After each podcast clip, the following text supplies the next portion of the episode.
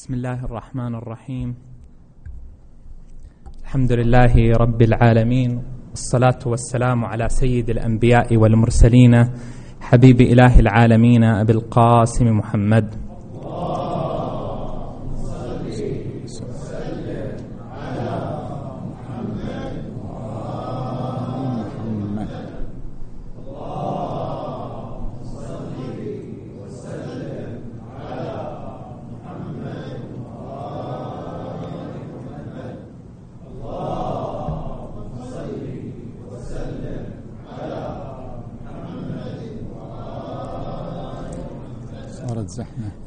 اعتاد سماحة العلامة السيد منير الخباز حفظه الله في كل موسم من المواسم العاشورائية أن يتناول مجموعة من العناوين والموضوعات التي تواكب التطورات والمتغيرات الثقافية في الساحة الإسلامية.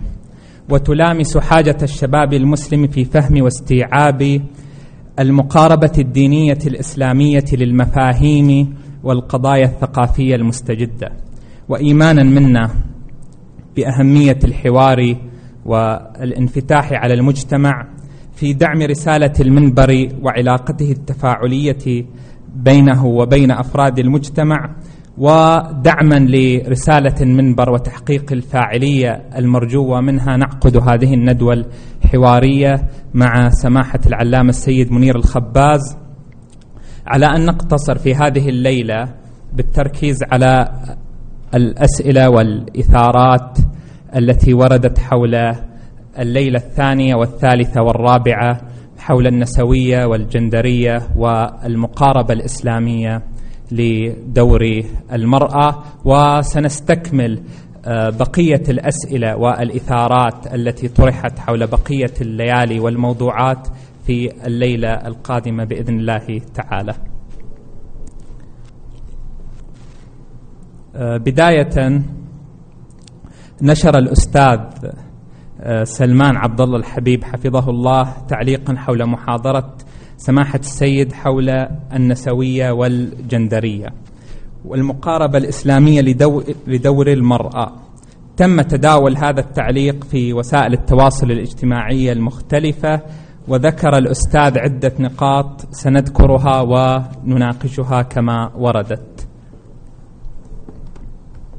النقطة الأولى حسب تعبير الأستاذ لقد أخطأ السيد في تعريفه للجندرية بأنها تعني أن يكون بأنها تعني أن يكون الذكر ذكرا بسبب الظروف الاجتماعية وتكون الأنثى أنثى بسبب الظروف الاجتماعية واعتباره أن الجندرية هي توجه مكتسب والصواب أن الجندرية هي مصطلح ظهر في عام 1960 ويعني رؤية الشخص لجنسه أو تعريفه لنوع لنوعه فهو إما أن يرى نفسه ذكرا أو أنثى بغض النظر عن وضعه البيولوجي. تفضلوا سماحة السيد. بسم الله الرحمن الرحيم. والصلاة والسلام على أشرف الأنبياء والمرسلين. محمد وآله الطيبين الطاهرين. اللهم صل وسلم على محمد الحمد لله رب العالمين أن المحاضرات في هذا العام أحدثت أجواء من التفاعل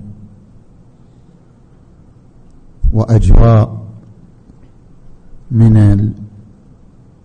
الأخذ والرد يعني الحوار حول هذه المحاضرات. وسواء كنت مصيبا أو كنت مخطئا فأنا لست معصوم قد أصيب وقد أخطئ. لكن وجود هذا العدد الكبير من المتابعه للمحاضرات في الداخل والخارج. يدل على أن المحاضرات كانت في الصوت؟ يدل على أن المحاضرات كانت صاير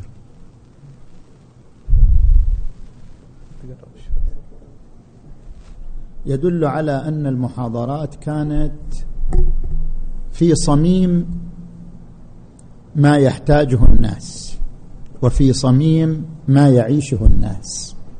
ولم تكن محاضرات فكرية ترفية بل كانت محاضرات تمس الواقع وتمس ما يعيشه الناس. ولذلك تفاعل الناس أو تفاعل المستمعون معها قبولا أو نقدا.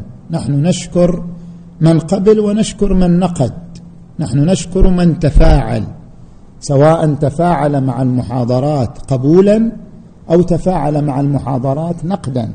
الجميع نشكره لأنه تفاعل مع ما ينسجم وما يمس الواقع آه، المعاش بين الناس.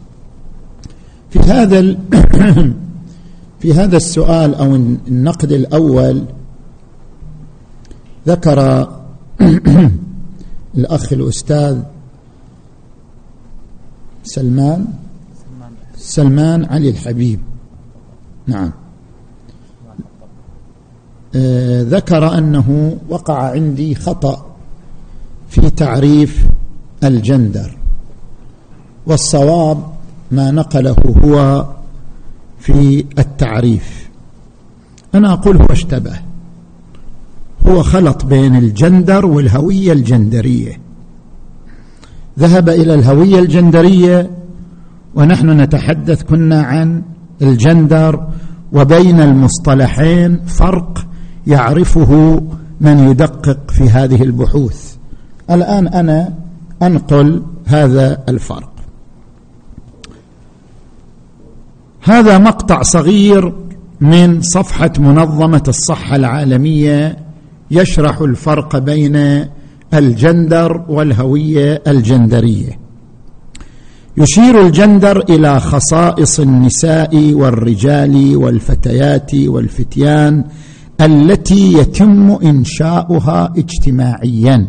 يعني الخصائص التابعة للعوامل الاجتماعية.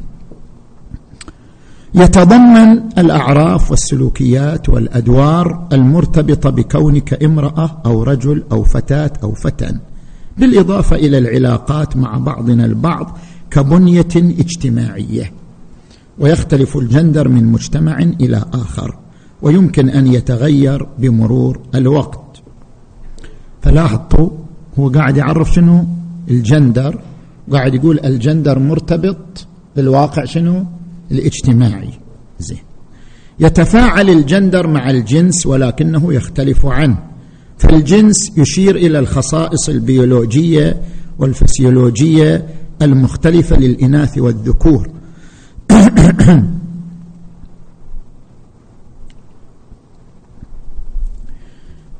بينما الجندر والجنس مرتبطان بالهوية الجندرية ولكن يختلفان عنها. فإحنا نتكلم عن الجندر تعريفنا مطابق لما في هذه الصفحة. بينما تعريف الهوية الجندرية قال وتشير الهوية الجندرية إلى التجربة الداخلية والفردية التي يشعر بها الشخص بعمق تجاه الجنس. ففرق بين أمرين.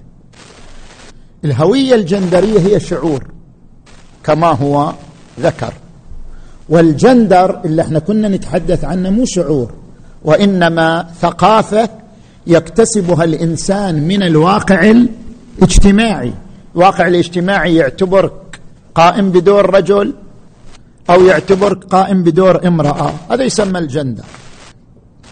وأما الهوية الجندرية فهي الشعور شعور الإنسان بأنه أنثى أو ذكر من حيث ميوله وما تقتضيه أنثويته أو رجولته. فإذا ما عندنا خطأ إحنا. إحنا عرفنا الجندر تعريف مطابق وهو ذهب إلى تعريف الهوية الجندرية فحصل عنده خلط بين خلط بين الأمرين. عندما نرجع للتعريفات الخاصة بالجمعية الأمريكية لعلم النفس نجد هذا التعريف للجندر. يشير الجندر للمواقف والسلوكيات التي يربطها المجتمع. جندر. مع جنس بيولوجي معين. وفي موضع آخر ذكر التفريق بين الجندر والجنس يعكس هذه المصطلحات فالجنس يشير إلى الجوانب البيولوجية بينما الجندر يعني الجوانب الساكيولوجيه والسلوكية والاجتماعية والثقافية. بينما الذي ذكر في تعريف الهوية الجندرية شعور الشخص العميق وإحساسه الداخلي بكونه ولد أو رجل أو ذكر أو أي جندر آخر والذي قد يتوافق أو لا يتوافق مع الجنس المعين. عندما نرجع إلى موسوعة ستانفورد الفلسفية في مقال بعنوان المنظور النسوي حول الجنس والجندر. نجد هذا النص. يبدو أن أغلب الناس يعتقدون أن الجندر والجنس يعنون نفس المعنى. تاريخيا الكثير من النسويين اختلفوا مع هذه النظرة ونظروا للاختلاف بين الجنس والجندر. فالجنس يدل على الأنوثة والذكورة. اعتمادا على خصائص بيولوجية وأما الجندر فيدل على كون الإنسان رجلا أو امرأة اعتمادا على عوامل اجتماعية. نفس التعبير اللي ذكرناه على المنبر تماما استنادا إلى مثل هذه البحوث. عندما نرجع للفيلسوفة المعاصرة جوديث بتلر في مقالها الجنس والجندر تقول في موقع نظر لا تولد الواحدة امرأة بل تصبح كذلك. إن صياغة سيمون دي بوفوار تميز بين الجنس والجندر النوع الاجتماعي. تعبر عنه. النوع الاجتماعي. وتقترح أن الجندر إنما هو أحد جوانب الهوية التي يتم اكتسابها تدريجيا وهذا التمييز بين الجنس والجندر لطالما كان مهما للجهد النسوي القديم في تفنيد الادعاء بان التشريع البيولوجي قدر محتوم. وعليه فما ذكر في المحاضرة من تعريف الجندر والتفريق بينه وبين الجنس هو ما عليه المصادر المعتمدة. نعم ذكرنا في ضمن الكلام الهوية الجندرية نقلا عن الموسوعة البريطانية إلا أننا تحدثنا عن الفرق بين الجندر وبين الجنس ثم ذكرنا استطرادا تعريفا للموسوعة تعريفا من الموسوعة البريطانية للهوية الجندرية التي لم نتعرض لها في المحاضرة وإنما اقتصرنا على ما ذكرنا سابقا. زين. لحظة بس لا تستعجل علي.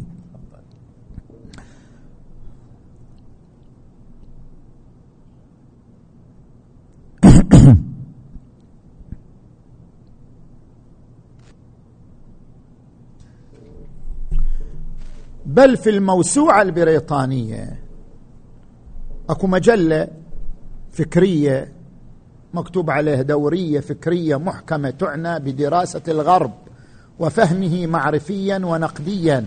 هذه المجلة تصدر في بيروت تضم بحوث لغربيين وشرقيين والبحوث الغربية مترجمة ويمكن الرجوع إليها لمعرفة كثير من المصطلحات بمصادرها وبتاريخها. زين.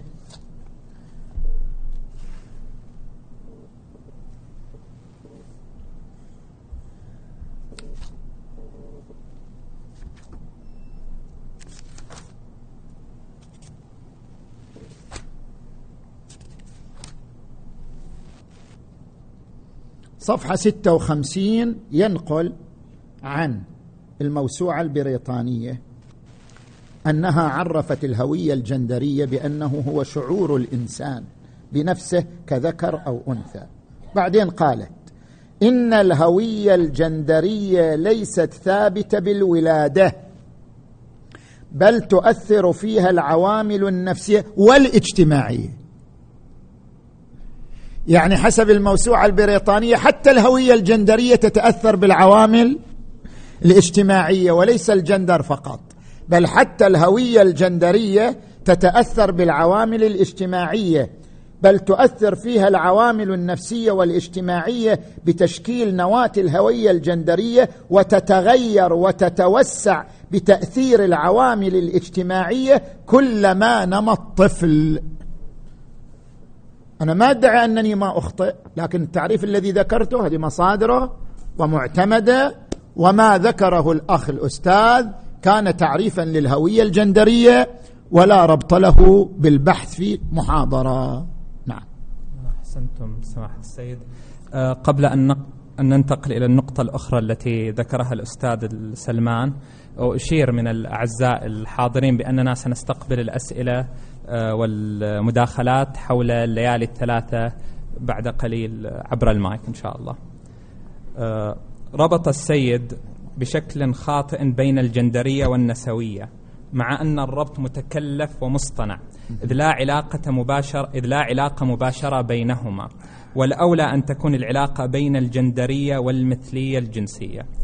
آه، وقال معلق آخر أيضا في هذا السياق حركة مساواة الجندر يكاد أن لا يكون لها وجود في الخليج وذكرها مع النسوية هو ربما للتهويل أو لشيطنة الحركة النسوية ليقبل المستمع كل ما يقال عنها. يقول ما يقول أنا يعني جاهز.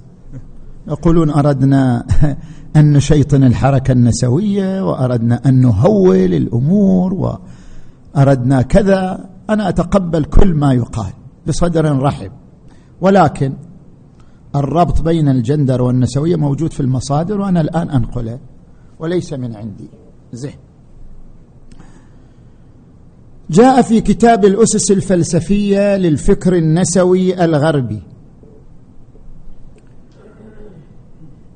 وقد لوحظ في الربع الأخير من القرن العشرين تشكل فلسفة نسوية متطورة نسبيا تضمن مفاهيم عديدة أو تتضمن مفاهيم عديدة.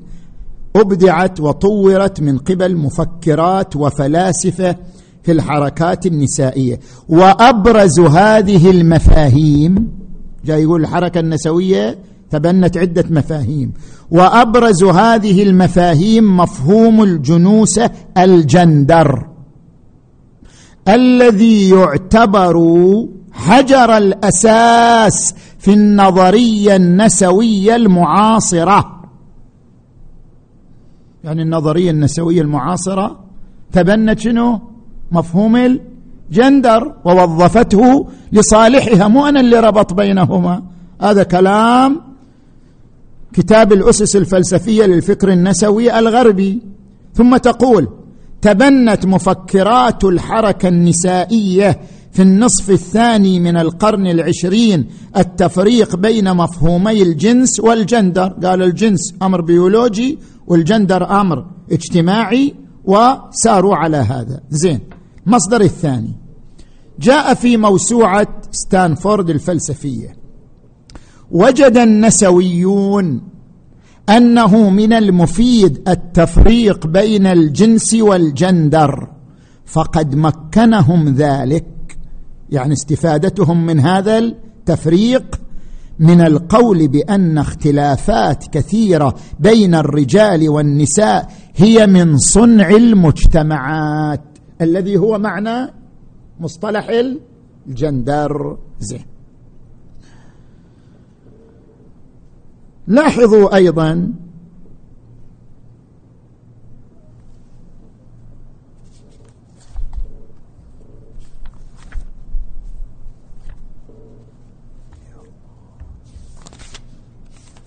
هنا مقال في مجلة الاستغراب قائم عليه فريق حركة المظاهرة لأجل الجميع في فرنسا.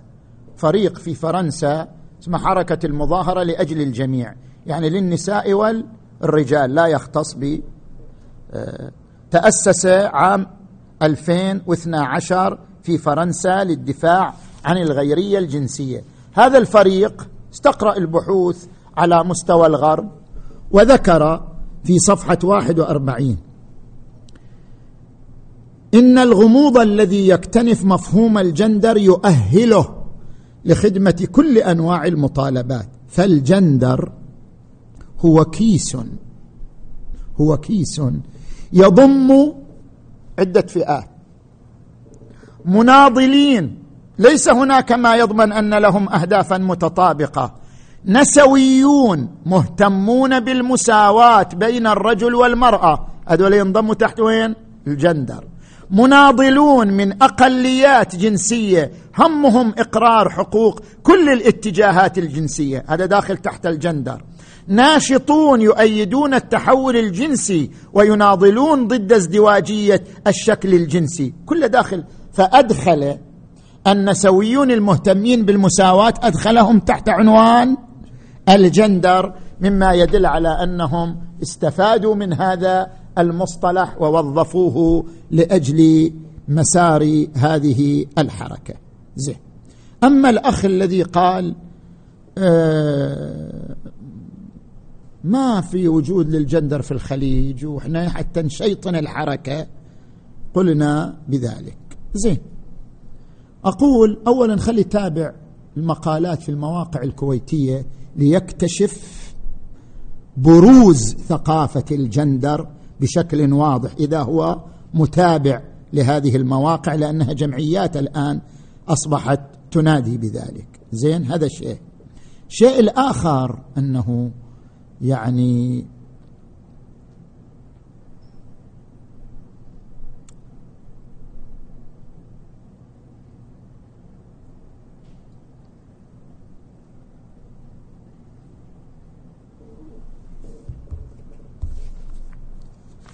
يا الله. شوف لاحظ هذا الكلام من نفس فريق الذي ذكرناه الفريق الفرنسي للمظاهرة من أجل الجميع. يقول في بداية السبعينات انتقل التميز يعني جنس جندر من المجال الطبي إلى مجال العلوم الاجتماعية والتاريخية وهو صريح في كتاب آن أوكلي الجنس والجندر والمجتمع الصادر عام 1972 إن النسوية العالمية تتناسب مع العصر الذي بحثت النسوية خلاله عن شرعية أكاديمية وعلمية ظهور أقسام تعنى بدراسة المرأة أو الدراسات النسوية في الجامعات الأمريكية التي صار اسمها اليوم دراسات الجندر. بذلك سوف تنصرف العلوم يعني التعبير كلش خطير. سوف تنصرف العلوم الاجتماعية ذات الإيحاء النسوي إلى وضع دراسات منهجية للطريقة التي تؤسس بها مجتمعات عدة وتبني عليها الاختلاف بين الجنسين. هذه التصريحات تقول أن الجندر دخل وين؟ في علوم الاجتماع وفي علوم التاريخ وغزا الجامعات وأصبح مظهر واضح. وأنت تقول لي ما وصل الخليج؟ يعني الخليج وين يعيش؟ الخليج وين يعيش؟ يعني هل من الممكن على الباحث الموضوعي أنه شيء دخل في العلوم الاجتماعية ودخل في العلوم التاريخية وأصبح منظورا في الجامعات؟ ويجي إنسان يقول والله ما دخل الخليج يعيش في القمر أو في المريخ. الخليج الآن متواصل بجميع وسائل التواصل. مع الجامعات مع الأبحاث مع العلوم الاجتماعية والتاريخية مع جميع ما يظهر على مستوى العالم. شنو الخليج فقير ثقافيا؟ أو الخليج يعني مهمل ثقافيا؟ نتيجة وسائل التواصل ونتيجة الأبحاث المشتركة ونتيجة هجرة أبنائنا وبناتنا إلى الغرب ورجوعهم. لا يمكن أن يقال الخليج لم تصله مثل هذه الحركات الجندرية ولكن نحن أقحمناها من أجل شيطنة الحركة آه، النسوية. زين. اي تفضلوا. السؤال الثالث أنا راح كمل. بعد بعد بعدنا وقت. تمام آه، لقد تعرض السيد لوجهة نتابع أيضا مع الأستاذ آه، سلمان أستاذ سلمان. لقد تعرض السيد لوجهة نظر سيمون دي بوفوار بأنها ترى أن دور الرجل والمرأة مكتسب ولكن هذا لا يعني اكتساب الهوية الجندرية إطلاقا. فدور الرجل مثلا في أن يكون صاحب السلطة في المنزل وأن يقوم بدور العمل وأن يكون المسؤول عن مصروفات المنزل أو نحو ذلك هو الذي كانت تعنيه سيمون دي بوفوار وأن الرؤية التي ذكرتها سيمون دي بوفوار مؤيدة من قبل كثير من علماء النفس إذ يرون أن البيئة الاجتماعية تلعب في تلك الأدوار دورا كبيرا فلا ينبغي رفضها واستنكارها. زين. ما ذكرته هذه الفيلسوفة في كتابها الجنس الآخر والكتاب مترجم للعربية يعني ما يحتاج واحد يروح يعني يزور على الكتاب والكتاب موجود ومترجم للعربية ويمكن مراجعته. زين؟ فالأخ الأستاذ قال إن الذي طرحناه لم تقله هذه الفيلسوفة. زين. أولا ما طرحنا فهمه مفكران عربيان معروفان من كتابها المطبوع ألا وهو الجنس الآخر. نذكر ما ذكره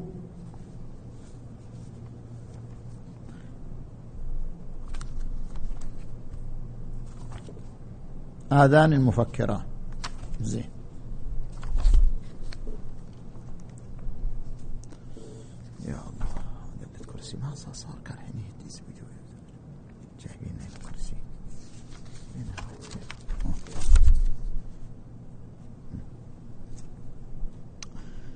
لاحظوا هذه الجملة من قبل الدكتور محمد عمارة في كتابه الغرب والإسلام صفحة 236 والدكتور عبد الوهاب المسيري أو المسيري في كتابه قضية المرأة بين التحرير والتمركز حول الأنثى صفحة 31 كلا هذين المفكرين فهم من كلام سيمون دي بوفار مثل ما نطقها آه، الأستاذ.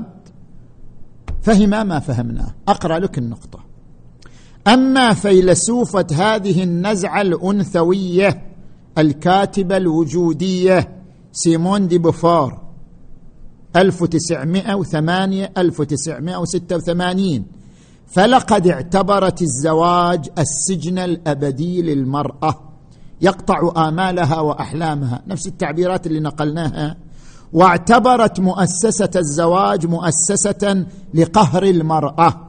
يجب هدمها وإلغاؤها. وأنكرت دققوا في العبارة. وأنكرت أي تميز طبيعي للمرأة عن الرجل. فلا يولد المرء امرأة بل يصير كذلك.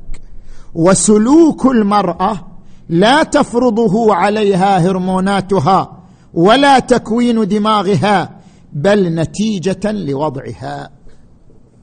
الذي نفهم من هذه العبارة كما فهمه المفكران الذي نفهم من هذه العبارة هو الفرق بين الهوية الجندرية وبين الجندر اللي إحنا عرضناه. الهويه الجندرية هي ميول ميول نفسية. ممكن أن تنشأ من جينات. هو ولد ذكر لكن ميوله الجنسية ميول أنثوية. أو ولد أنثى ولكن ميوله الجنسية ميول ذكرية. هذا الهويه الجندرية لا كلام لنا فيها. أنا إحنا ما نتحدث فيها. ولا ننسبها إلى سيمون دي بوفور وإنما نجي إلى سلوكيات. ما معنى السلوكيات؟ هي تنص كما فهمه المفكران على أن السلوكيات السلوكيات تتبع شنو؟ الثقافه الاجتماعية أو تتبع وضع الإنسان. وهذا الذي نسبناه إليها. إحنا ما ذكرنا على المنبر مسألة الميول الجنسية اطلاقا. ولا نسبنا إليها أنها تقول بأن الميول الجنسية آه، كذا وكذا. ما تحدثنا عن هالنقطه أصلا. تحدثنا عن السلوك. السلوك يعني شنو؟ خل أضرب لكم مثال ممكن يتضح من خلاله. افترضوا مثلا ولد هو ولد لكن عاش في أسرة كلها إناث. يتأثر. سلوكيا يتأثر. مو مسألة أنه أدوار الرجولة وأدوار الامومه سلوكيا. يعني بعض الآباء يشكو يحدثني هو عن ابنه يقول ابني يحب القميص اللي لونه لون أنثوي. ابني يحب العطور الأنثوية. ابني يحب مثلا إذا تحدث ان يتحدث مثل أخواته طريقة أخواته في الحديث. هذا السلوك. هذا اللي تقصده سيمون دي بوفار. أن السلوكيات لا يولد المرء رجل وإنما يكتسب الرجوله حتى لو هو أنثى. يعني يكتسب السلوك من وضعه. ولا يولد امرأة وإنما يكتسب سلوكيات المرأة من خلال وضعه ومن خلال الثقافة الاجتماعية. فهي تتكلم مو فقط عن الأدوار المنزلية تتكلم على مستوى أعم مستوى السلوك كما نحن ذكرنا ذلك وتعرضنا إليه. بعدين قال حسب ما ذكر الأستاذ إياد أنه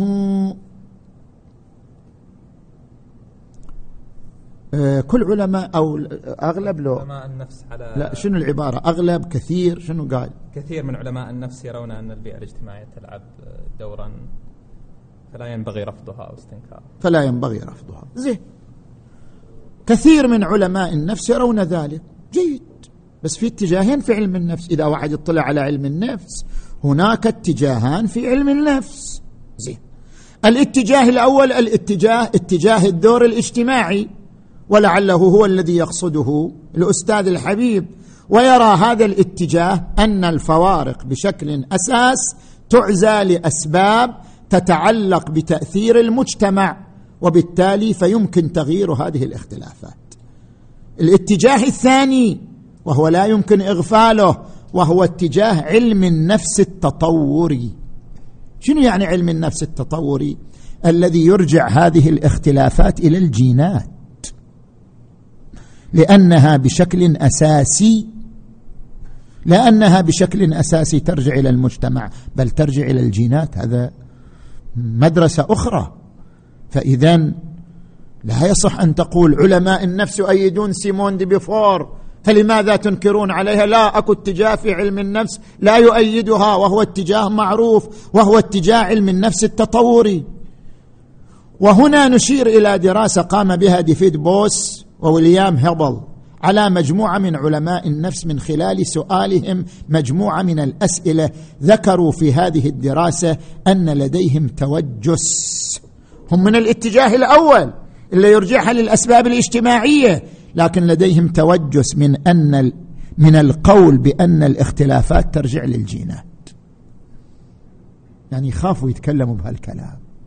توجس. في داخلهم يميلون إلى هذا الكلام أن هذه الاختلافات ترجع إلى الجينات. لكن يخافون من التصريح من هذا القول. وعلل أصحاب الدراسة ذلك بأنهم يخافون من استعمال هذه الفروقات لتبرير المعاملة غير المتساوية مع المرأة. ثم يعني افترض أن كثير من علماء النفس يؤيدون من؟ سيمون يعني هذا يمنع من نقدهم؟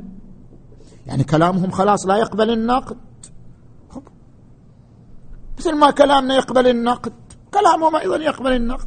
فلنفترض أنهم معها في فكرتها وفيما طرحت إلا أن كلامهم قابل للنقد بعرضه على الدراسات العلمية المتنوعة. زين.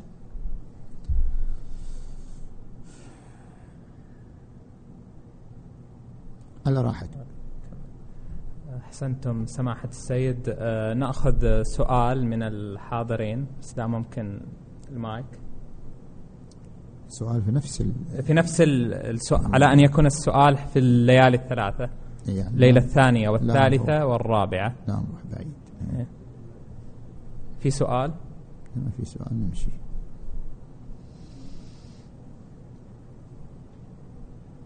في سؤال عندنا. تفضل.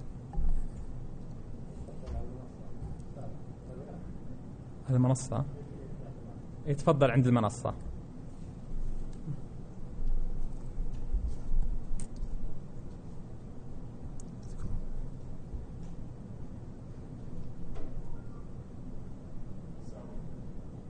عليكم السلام ورحمة والإكرام عليكم السلام.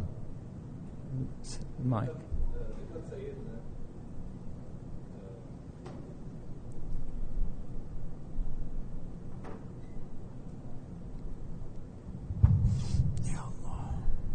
تفضل. آه، ذكرت سيدنا عدة آه، توجهات الحركة النسوية. نعم. أي منها قد يتماشى مع الفلسفة الإسلامية؟ نعم. بعد؟ فقط هذا السؤال. لا لا بس أه. لا لا واضح السؤال. يعطيك العافية شكرا. طبعا أقرب أقرب الحركات النسوية إلى الفكر الديني هي النسوية الليبرالية وسنأتي نتعرض إلى آه، الفارق بينها وبين الفكر الديني. ولكن بالمقارنة بينها وبين بقية أقسام الحركة النسوية تكون النسوية الليبرالية أقرب إلى الفكر الديني من بقية آه، أنواع الحركة النسوية. نعم. أحسنتم سماحة السيد. أه نتابع مع الأستاذ آه، سلمان الحبيب أه في النقد الخامس. أن من الخطأ ذكر التعميمات التي لا تستند إلى رأي علمي يمكن الوثوق به أو الاستناد عليه مثل كون الرجل قانوني في أحكامه وينظر للأمور على أساس الحق بينما المرأة تنظر للأمور بشكل أخلاقي وبإيثار دون مقابل وبلا حدود. نعم.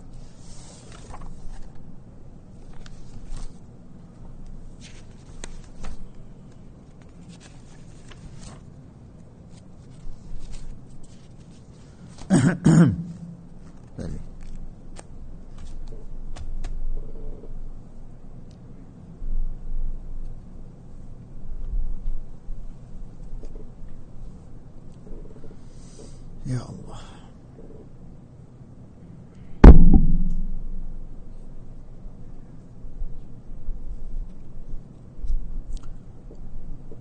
ما ذكرناه في المحاضرة؟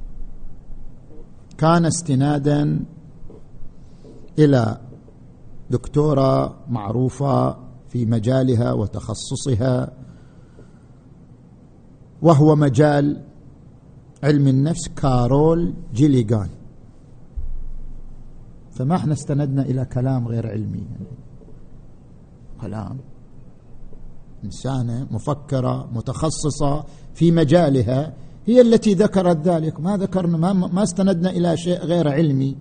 هي التي ذكرت أن كلا الجنسين الرجل والمرأة يعيش نزعة المسؤولية إلا أن الدافع للرجل يكون دافع قانوني والدافع للمرأة دافع خلقي وإلا كلاهما يسير نحو حس المسؤولية. طيب. إذا ترجع إلى ما ذكرناه في المحاضرة الثانية. طبعا أنا نبهت في المحاضرة هنا وفي سيهات على أن هذه المشكلة اللي طرأت عند البعض. أخذوا المحاضرة الأولى اللي هي الليلة الثانية. بينما إحنا قبل شهر محرم أنزلنا العناوين وأنزلنا مع العناوين الأسئلة وكل من قرأ العناوين مع الأسئلة التي حولها قبل ما يدخل محرم اكتشف أننا سنناقش هذا الموضوع في ثلاث ليالي في ثلاث ليالي. ومع ذلك جاءت مناقشات لليلة الأولى. يا جماعة لا تستعجلوا علينا. يا جماعة انتظرونا. بعد عندنا ليلتين وإحنا معلنين من الأول. ما جايين الآن إحنا نوجد موضوع جديد.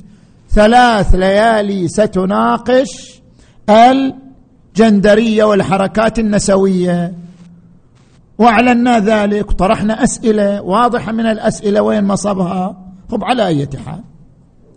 مع ذلك جاءت بعض النقود تختص بما عرض في الليلة الأولى. من هذه النقود أنه لماذا عممت هذه الفروق؟ ذكرت في محاضرة الليلة الثانية في المحور الثاني أن الفروق المذكورة بين الرجل والمرأة ليست فروق حتمية. أنا بنفسي قلت ليست فروق حتمية. وإنما هذه الفروق تعطي استعداد فقط فرق في الاستعداد. بمعنى أن الرجل يمتلك الاستعداد لأن تكون نزعته نزعة قانونية. مو كل الرجال هكذا ومو بالضرورة. يمتلك الاستعداد. وأن المرأة تمتلك الاستعداد لأن تكون نزعتها نزعة خلقية. وإلا يمكن رجال يكونون ألين من النساء ونساء يكونوا أشد من الرجال. نتكلم عن مستوى الاستعداد. ولذلك اعتبرنا الفروق غير حتمية وذكرنا هذا في محاضرة الليلة الثانية. نعم تفضل. أحسنتم صراحة السيد. آه، أيضا نتابع مع ما ذكره الأستاذ سلمان الحبيب. آه، كان من الواجب على سماحة السيد أن لا يركز إن شاء الله إن شاء الله. آمر بفر مثل ما يقولوا آمر بفرمايد.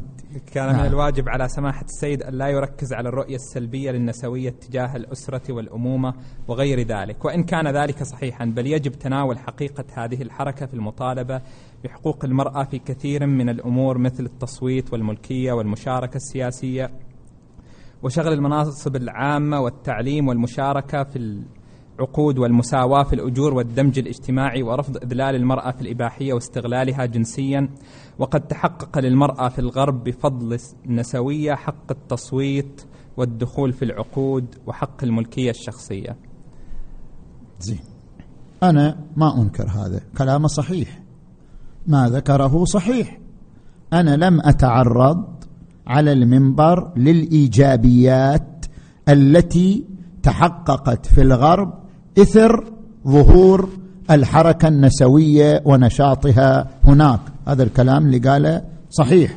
لا ينكر جهود خصوصا الحركة النسوية الليبرالية لا ينكر جهودها في إعلاء مكانة المرأة في الغرب وفي استعادة حقوقها. ولكن أنا في أي مقام يعني أنا كرجل دين وأتكلم في موسم ديني شو أتكلم يعني. يعني لست في موسم ثقافي حتى أتعرض لتفاصيل الحركة النسوية وإيجابياتها وأن المرأة في الغرب وصلت إلى سدة الحكم وأن المرأة في الغرب دخلت ضمن العقود وأن كذا. هو منبر ديني في موسم ديني اقتضى أن أتعرض لنقطة محددة الفروق والمقارنة بين الفكر الديني وبين الحركه النسوية الغربية. هذا هو. يعني مجالي هو هذا. مجالي مو أنا قاعد الآن في مؤتمر مع مثقفين حتى أتعرض لعدة جوانب. مجالي كرجل دين على مو على في من في موسم ديني أنا أتحدث عنها النقطة المحددة المقارنة بين الفكر الديني والحركة النسوية. فمن الطبيعي أن أتعرض إلى مواطن الافتراق بين الفكرين وما يترتب على ذلك بالنسبة إلى الحركة النسوية وبالنسبة إلى الفكر الديني. فإذا كان الإشكال ليش ما جبت إيجابيات الحركة النسوية؟ أعترف هذا إشكال صحيح. أنا ما جبت الإيجابيات واتجهت إلى ما كنت أريد أن أتحدث عنه لأجل أنه المنسجم مع طبيعة الموسم والمنبر الذي أنا فيه. زين. أحسنتم سماحة السيد. آه، أيضا نتابع مع النقطة الأخيرة التي ذكرها الأستاذ الحبيب. آه، يقول واجهت واجهت صعوبة في فهم رؤية السيد لدور المرأة. مسكين فهو من مسكين. فهو من جهة يصرح بأنه يجب أن لا تمنع المرأة من العمل ولا يصادر حقها في الاختيار. فإذا لم يكن دور المرأة محصورا في الأمومة والبقاء في البيت فما هو الدور إذن؟ آه النقطة الثانية أن الدور الرسالي الذي ضرب به السيد المثل في السيدة خديجة عليها السلام والسيدة فاطمة الزهراء عليها السلام ومريم ابنة عمران عليها السلام وامرأة فرعون هو دور ديني بحت. فخديجة عليه السلام آمنت بن آمنت بالنبي و آمنت بالنبي وآوته. وفاطمة عليها السلام شريكة النبي في الدعوة ومكملة لرسالة النبي. وامرأة فرعون كانت صابرة مجاهدة ومريم ابنة عمران كانت عفيفة. وإلى جانب ذلك فالإيمان والعفة والصبر يتساوى فيها الرجل والمرأة. فلا يصح جعلهم فلا يصح فلا يصح جعلهما الدور الذي تختص به المرأة. ممتاز.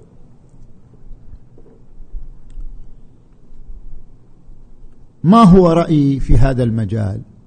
ثلاث ليالي ذكرته. ثم ذكرته في ليلة التاسع عندما تحدث عن دور الأمومة. زين؟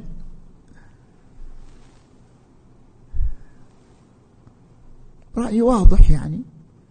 الإسلام لا يمنع المرأة من العمل خارج المنزل ولا يمنع المرأة من القيام بأي دور سياسي صحفي إعلامي أي مجال. أي مجال تكتشف المرأة أنه مجال لإظهار مواهبها إظهار طاقاتها إظهار قدراتها لم يمنع الإسلام منه وصرحت بذلك. وإنما كان الكلام كله في أن الدور وهو دور الأمومة لا يكون دورا شنو؟ هامشي هذا اللي نتكلم فيه. لسنا في مقام تهميش العمل خارج المنزل بل في مقام عدم تهميش الأمومة داخل المنزل. فرق بين المنطقين. تارة الإنسان يصير منطقة تهميش العمل خارج المنزل. يقول لا قيمة للعمل خارج المنزل. أنا ما قلت ولا أقول. المرأة إنسان وعندها مواهب وعندها قدرات. بإمكانها أن تظهر مواهبها وقدراتها في أي مجال. أنا لم أقل ولا أقف أمام هذا. لست في مقام تهميش العمل خارج المنزل وإنما في مقام مواجهة تهميش دور الأمومة داخل المنزل. يعني اعتبار دور الأمومة دورا هامشيا. هذا اللي أنا قاعد أتكلم فيه. لا تعتبروا الأمومة دور هامشي. لا تحتقروا دور الأمومة. لا تقولوا للمرأة حتى صرحت بهذا لا تقولوا للمرأة اللي ما عندها عمل. أنت ويش؟ وانت وين عايشة؟ لا. لا تحتقروا دور الأمومة. لا تهمشوا دور الأمومة. كان كلامي كله في دفع تهميش دور الأمومة ولم أقل بتهميش دور المرأة خارج المنزل. كل عمل ينسجم مع طاقاتها وترى فيه أنها تستطيع أن تطلق مواهبها وقدراتها. فالمجال مفتوح في هذا في هذا الصدد وما عندي مشكلة في هذا. شنو كانت النقطة الثانية؟ دور الرساله دور الرساله الدور الرسالي. نحن قلنا في المحاضرة. والمحاضرة ترى مكتوبة بالنص بالألفاظ. بإمكانكم تراجعوها. اللي ما له خلق يسمع إلا خلق يقرأ. بالنص بالألفاظ مكتوبة وموجودة في موقع المنير. كل من الجنسين الرجل والمرأة يتجه إلى العمل. ما في مانع. كل منهما يتجه إلى العمل. ولكن ليس الدافع نحو العمل دافع مادي وإنما الدافع يجب أن يكون دافعا رسالي. هذا الذي هذا ما يختص بالمرأة. عام للرجل والمرأة نتكلم. كلا الرجل والمرأة كلا الطرفين مفتوح أمامهما العمل. لكن بأي دافع؟ هل أننا عندما نشجع المرأة على العمل نشجعها على الدافع المادي؟ نقول لها من أجل أن تكتسبي ثروة من أجل أن تكتسبي صيتا وشهرة انطلقي إلى العمل؟ نقول لا. اعملي خارج المنزل ولكن بدافع رسالي. شنو المقصود بالدافع الرسالي؟ هو الأستاذ راح للأمثلة الأمثلة طبعا كلها أمثلة شنو؟ دينية. فحصر الدافع الرسالي في الديني. بينما الدافع الرسالي هو أعم. بناء الحضارة. هذا دافع رسالي رسالة بعد. المرأة عندما تساهم في بناء الحضارة البشرية. الحضارة القائمة على العدالة الحضارة القائمة على الأخوة الحضارة القائمة على المسؤولية العامة. مشاركة المرأة في بناء الحضارة دور شنو؟ رسالي يعني أن يكون الهدف عند المرأة عندما تنطلق إلى العمل ليس هو تحصيل الثروة واللقب أن يكون الدافع بناء الحضارة. هذا الدافع الرسالي وذكرت بناء الحضارة في عدة محاضرات لهذه السنة وأنه هو الهدف من وجود الإنسان. راجعوا الليلة الثالثة راجعوا الليلة ما أدري الخامسة. مشاركة المرأة في بناء الحضارة دور رسالي. هذا هو معنى الدور الرسالي. وهذا هدف مشترك لا يخص المرأة بين الرجل والمرأة. نعم الأمثلة التي ذكرناها أمثلة شنو؟ دينية. يعني إيش تريدني أمثل؟ بتاتشر ولا أمثل بماركل؟ أنا على المنبر. شو أمثل؟ طبيعي بأمثل بأمثلة دينية.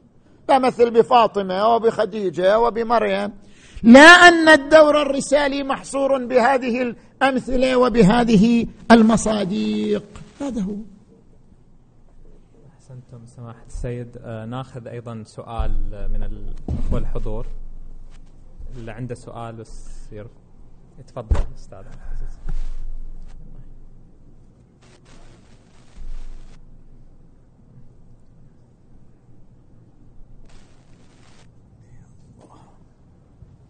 السلام عليكم. سيدنا تفضلتم في أحد المحاضرات بخصوص التخطيط والتنفيذ. طبعا إحنا إداريين فنتكلم عن هذا الشيء. إحنا لا. يتفضل خصوص إيش؟ ومتابعة هذا أنا ممكن يعني في الليالي الثلاث إحنا الليلة الثانية. أنا صراحة مخ... لأن الليالي كلها مختلطة علي. إذا تبقى أسأل السؤال أو أجل لوقت آخر. أسأل السؤال إذا هو ضمن الليالي الثلاث راح يجيب عليه هو طبعا السيد ذكر أن الرجل دائما يفكر تفكير استراتيجي بينما المرأة دائما تفكيرها تنفيذي فالدور التنفيذي تقوم بالمرأة أجدر من الرجل والرجل يقوم بالدور الكبير والتخطيط الاستراتيجي. هذا ما ذكرتموه. نعم. صحيح. هذا ذكرناه صحيح. نعم. اي نعم تفضل. فما أدري يعني هذا هل هو هذا حقيقة صحيح بالنسبة إن المرأة أقدر في الأمور التنفيذية في الأعمال من الرجل أو في آه، الطبيعة العامة يعني؟ فمعظم شيء إن المرأة نلاقيها إن تقوم بأمور ثانوية أكثر من هي تنفيذية أو تخطيطية. نعم. أحسنت. تفضل. هذا بس استفسار يعني لا أنا قصدي يعني كملت. خلاص. أحسنت الآن أجيب أحسنتم إيه. سيدنا. أعزائي أولا أنا شرحت المفهوم على المنبر. شرحت شنو معنى التفكيكي ومعنى الاستراتيجي. وقلنا معنى الاستراتيجي والتفكيكي مو في العمل. حتى المرأة تروح لأعمال تنفيذية والرجل يروح لأعمال استراتيجية. شرحنا على المنبر قلنا إذا عرضت مشكلة إذا عرضت مشكلة على الرجل والمرأة ذهن الرجل يروح للعوامل المولدة للمشكلة. هذا يسموه تفكير استراتيجي. بينما ذهن المراه يروح لجميع التفاصيل ويأخذ التفاصيل بعين الاعتبار. يعني الرجل قد يهمل بعض التفاصيل بينما المرأة لا تضع كل التفاصيل بعين الاعتبار ولا تنهي ولا ترفع يدها عن المشكلة حتى تستوعبها بكل تفاصيلها. بينما الرجل طبيعته يكتفي بالعوامل المولدة للمشكلة. هذا الشيء يرجع لطبيعة شنو؟ تفكير في تلقي المشاكل والأحداث. ولا يرجع لطبيعة العمل. حتى نقول الرجل دائما يروح لأعمال استراتيجية والمرأة دائما تروح لأعمال تنفيذية. لا المرأة قد تكون بعد أن تستوعب كل التفاصيل تروح لأهم الأعمال الاستراتيجية. والرجل اللي عادة يتناول الفكرة بعواملها ولا يتناولها بتفاصيلها. قد يكون في مجال العمل يروح للأمور شنو؟ تنفيذية ما إلى علاقة بالعمل. لهما علاقة بطريقة تلقي المشكلة المعروضة. هذا اولا ذكرناه في المحاضرة. وثانيا قلنا في المحاضرة بشكل واضح أن هذه الفروق ليست فروق دائمية. ما قلت أنا دائما. ليست فروق دائمية ليست فروق حتمية وإنما هي فروق استعدادية. يعني في الرجل استعداد لأن يكون كذلك في المرأة استعداد لأن تكون كذلك لأنها فروق حتمية. نعم. أحسنتم سماحة السيد. سؤال بعد. المايك بس. المايك سوى له تعقيم. اي بعد. تفضل هنا قدام. يصير حسين السنان إلا تضمن. السلام عليكم. عليكم السلام والرحمة والإكرام. سؤالي متعلق بالليلة الثانية تحت موضوع الحركة النسوية والجندر في رؤية نقدية. نعم. وأيضا متعلق بالأسرة. يعني ذكرت سماحتك في الليلة الثانية أن النزعة النسوية رأت أن معاناة المرأة أتت من يعني الدور الأسري والوظيفة الأسرية اللي أنيطت لها. نعم. ففي بدورها آه، شو اسمه يعني حاربت دور الأمومة اللي تشوف أنه محطم لأمالها ومستقبلها يعني. فنشوف من هذا المنطلق أن أحد أهداف الحركة النسوية المتطرفة بالتحديد هي هدم الأسرة وتفكيكها يعني. فسؤالي لماذا تحارب الأسرة يعني؟ ما السبب ما, ما أسباب حرب الأسرة؟ نعم. طبعا مثل ما تفضلت أن هذه طبعا مثل ما تفضلت عزيزي أن هذه كانت الحركة النسوية الراديكالية وليست جميع الحركات النسوية. الحركة النسوية الراديكالية هي حركة متطرفة هي التي اعتبرت أن من أكبر معاناة المرأة هو الجو الأسري وأنه أحد أسباب تخلف المرأة فلأجل ذلك دعت إلى التحرر من آه، قيود الأسرة. السبب في مواجهتها للأسرة هو أنهم يعتقدون أن هذا الشكل التقليدي الموجود في المجتمعات البشرية رجل يعني زوج وزوجة وأولاد وبنات هذا سبب من أسباب عدم تقدم المرأة في المجالات السياسية وفي المجالات الصناعية. ولو أن المرأة عاشت كالرجل تصير علاقتها مع الرجل فقط علاقة جنسية وفي وقت الحاجة وإلا هي غير مرتبطة بأسرة وغير مرتبطة بمسؤوليات سوف تكون أقدر على تحقيق أحلامها السياسية والاجتماعية من الرجل. هذا كان معتقدهم وطبعا نحن نعتقد خلاف ذلك أن الأسرة أصلا سبب من أسباب تقدم المرأة في المجالات الأخرى لأن الجو الأسري يضفي على المرأة نوعا من الاطمئنان والهدوء ويشجعها إلى أن تقوم بتلبية طموحاتها في المجالات الأخرى بدافع الاطمئنان والهدوء. نعم. أحسنتم سماحة السيد. أه ناخذ سؤال من هنا وبعدين نكمل معه. أه نشرت الكاتبة الأستاذة رائدة السبع مقالا في صحيفة جهينة تحت عنوان نحو خطاب نسوي متزن. أثارت الكاتبة عدة نقاط في هذه المقالة حول طرح السيد عن النسوية. نستخلص منها عدة أسئلة. هل النسوية؟ يعني هو سؤالين يعني. إيه. أو ثلاثة. إيه. هل النسوية مرض يصيب العقل البشري وتحديدا النساء؟ وهل يستدعي ذلك علاج المرأة منه بصورة عاجلة؟ وكذلك هل يختلف العلاج من امرأة إلى أخرى؟ فعلى ضوء هذه التساؤلات يمكننا الرجوع إلى تعريف النسوية من قبل الكندية لويز توبان.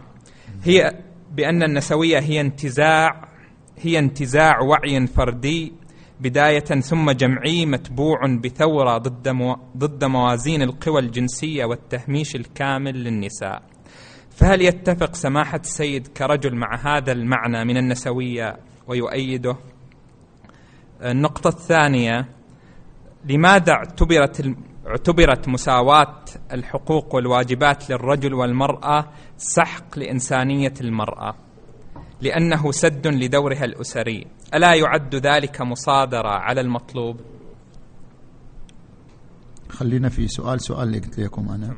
إيه. بالنسبة إلى النسوية النسوية تيارات وأفكار.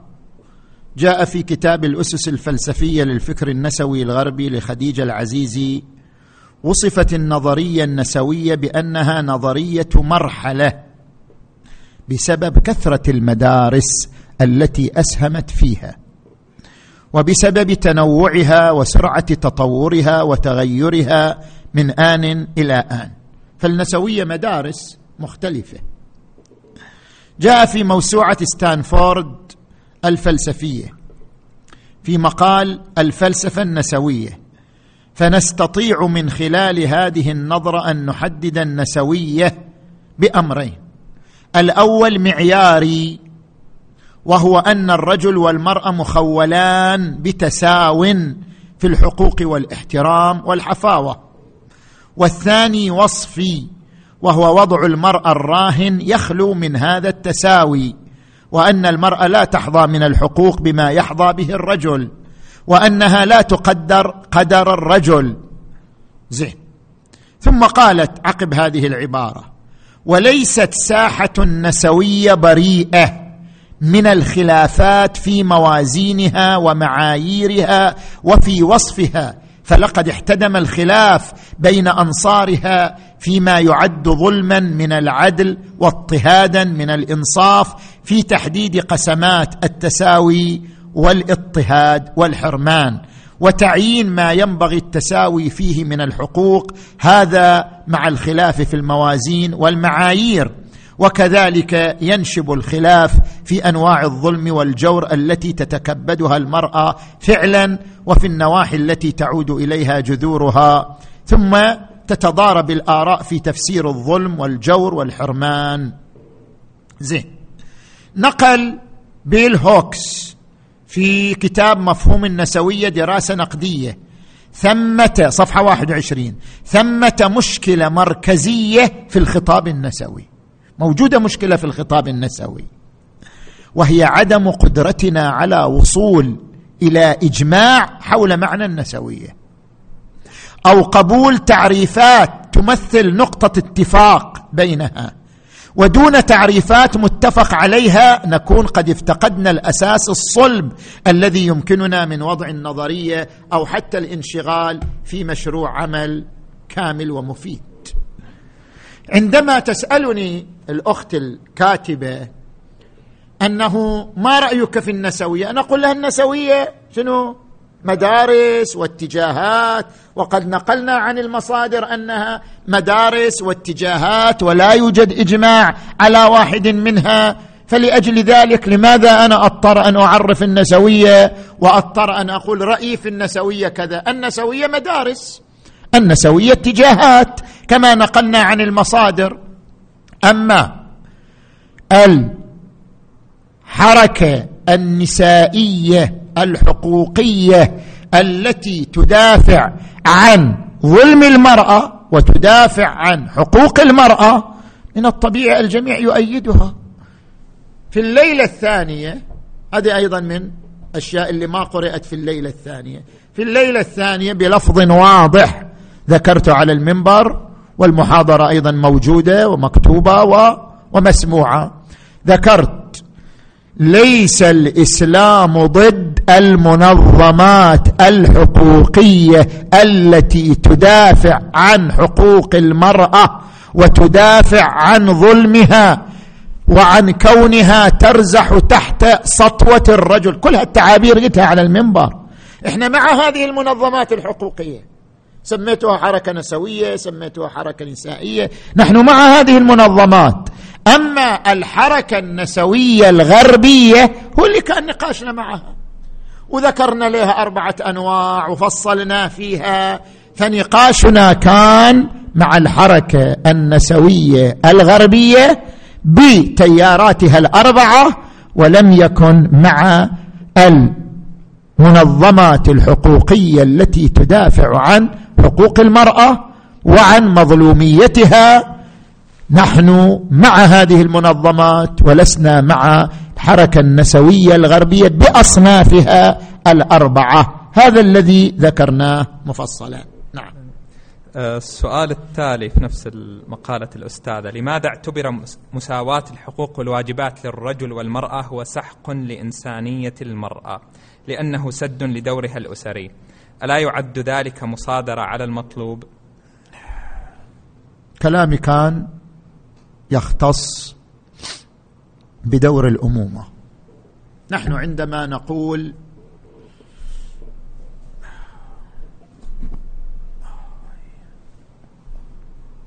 لا فرق بين الرجل والمرأة في مسألة الأمومة بل هذا إلغاء لإنسانية المرأة. ما تملكه المرأة من مشاعر الأمومة لا يملكه الرجل. ذكرنا الفروق. ذكرنا في الليلة الثانية فروق آه، فسيولوجية فروق ساكيولوجيه فروق سلوكية. من هذه الفروق أن هناك اختلافا بين الرجل والمرأة في أداء دور ال دور ال الأمومة. فعندما نقول بالمساواة ماذا نقصد بالمساواة؟ مساواة بينهما في الحقوق السياسية الاجتماعية نعم لا فرق بينهما. أما عندما نقول بالمساواة التامة اللي عبرنا عنها بالتماثل ترى بينت أنا الليلة الثانية فرق بين المساواة الكيفية والمساواة الكمية.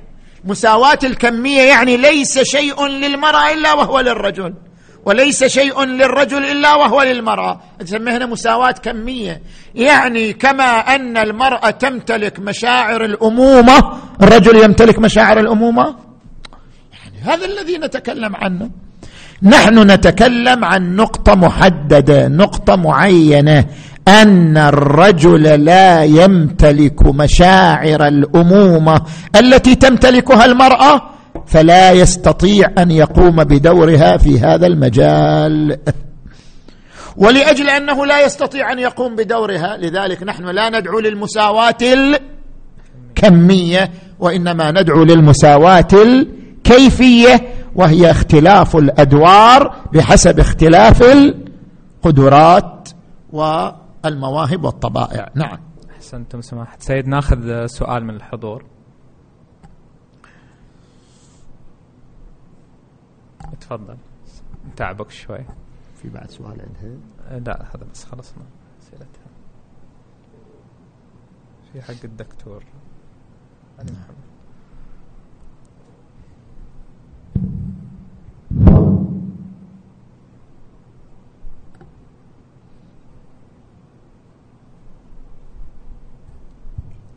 السلام عليكم عليكم السلام. سؤالي بس آه، مسألة الدور الرسالي. آه، يبدو أن المسألة يعني يمكن يصير فيها ضبابية شوي. يعني آه، كيف تكتشف المرأة أو الرجل يعني سيان في الموضوع الدور الرسالي؟ إذا كان الدور الرسالي نفسه قد يتأثر شوي بالعوامل الاجتماعية والثقافية في نفس الوقت.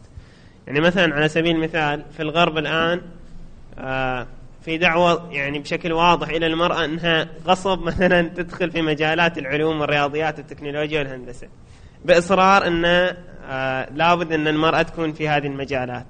رغم أنه زي ما ذكرت يعني سواء في عوامل نفسية أو عوامل بيولوجية ما تساعدها أنها تدخل مثلا آه، في بعض الأعمال الشاقة وما شاكل. فكيف تكتشف المرأة دورها الرسالي؟ خصوصا أن الدور الرسالي متعلق كثير بال يعني العوامل الاجتماعية. والرجل كذلك نفس الشيء. إذا كان المجتمع مثلا يعني على سبيل المثال عندنا في البلد أو في يعني كثير من المجتمعات حتى في الغرب آه كثير من الآباء مثلا يروجوا إلى أن أبنائهم يدخلوا في الدور الرسالي في الطب والهندسة فقط. وعدا ذلك يعتبر خارج عن الدور الرسالي بشكل واضح. فكيف يتم يعني للفرد يشخص دور الرسالي بناء على آه نظرة الإسلام يعني؟ شكرا. شكرا. شكرا للباحثة رائدة السبع على ملاحظاتها وشكرا للولد العزيز الحسن آل سيف. آه نحن تعرضنا إلى الدور الرسالي للرجل والمرأة بحسب رؤيتنا الإسلامية. نعم هناك رؤى تختلف باختلاف المجتمعات في تحديد الدور الرسالي للرجل والمرأة ولكن الرؤية الإسلامية ترى أن الدور الرسالي للرجل وللمرأة هو ببناء حضارة قائمة على العدالة قائمة على الأخوة قائمة على المسؤولية الاجتماعية التي عبر عنها القرآن بمسؤولية الشهادة. وبالتالي كل امرأة تمتلك مواهب وتمتلك طاقات تستطيع من خلالها أن تدخل مجال من المجالات الرياضية أو مجال من المجالات التقنية وترى في ذلك تفجيرا لطاقتها وظهورا لمواهبها وأنها تبدع في ذلك المجال فهي تساهم بدور رسالي في هذا المضمار. ما دام الدافع لها هو المساهمة في بناء الحضارة بما تمتلك من قدرة وطاقة إبداعية خلاقة. نعم. أحسنتم سماحة السيد. كتب الدكتور أه علي محمد سلطان من سلطنة عمان مقالة عنونها بردا على محاضرة العلامة السيد منير الخباز حفظه الله. آه، ومفاد هذه المقالة أن الخطاب الذي انتهجه سماحة السيد في حديثه حول النسوية لم يخرج من إطار ردة الفعل المتوترة التي تعيشها مجتمعاتنا اتجاه المتغيرات العالمية. فعلى سبيل المثال أسهب السيد في الحديث حول المساواة بين الرجل والمرأة بكونها هي المشكلة في حين أنه واقعا يرى بأن مكان المرأة هو بيتها لا غير. كما أن الأدلة والمنطلقات الذي ذكرها السيد حول طبيعة المرأة والرجل والفرق بينهما لا ترتقي لأن تكون أدلة علمية تجريبية يمكن الاتكاء والاستناد عليها في الحكم بل هي أقرب للخطاب الإنشائي.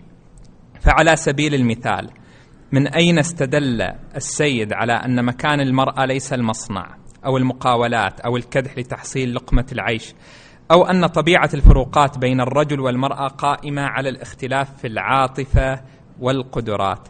وكيف يستقيم ذلك وقد أثبت وقد أثبتت المرأة جدارتها في المناصب القيادية وحتى على صعيد العمل الأمني والعسكري؟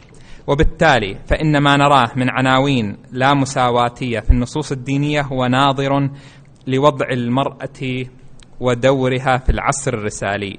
أما الآن فقد تبدل الواقع الاجتماعي فتغيرت الأدوار. ولو نظرنا للعالم من حولنا لتغير فهمنا ومنطقنا وفقهنا.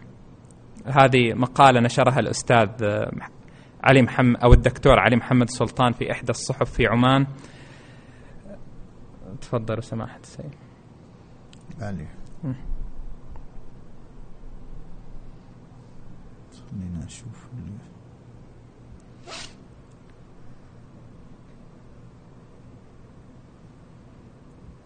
نعم.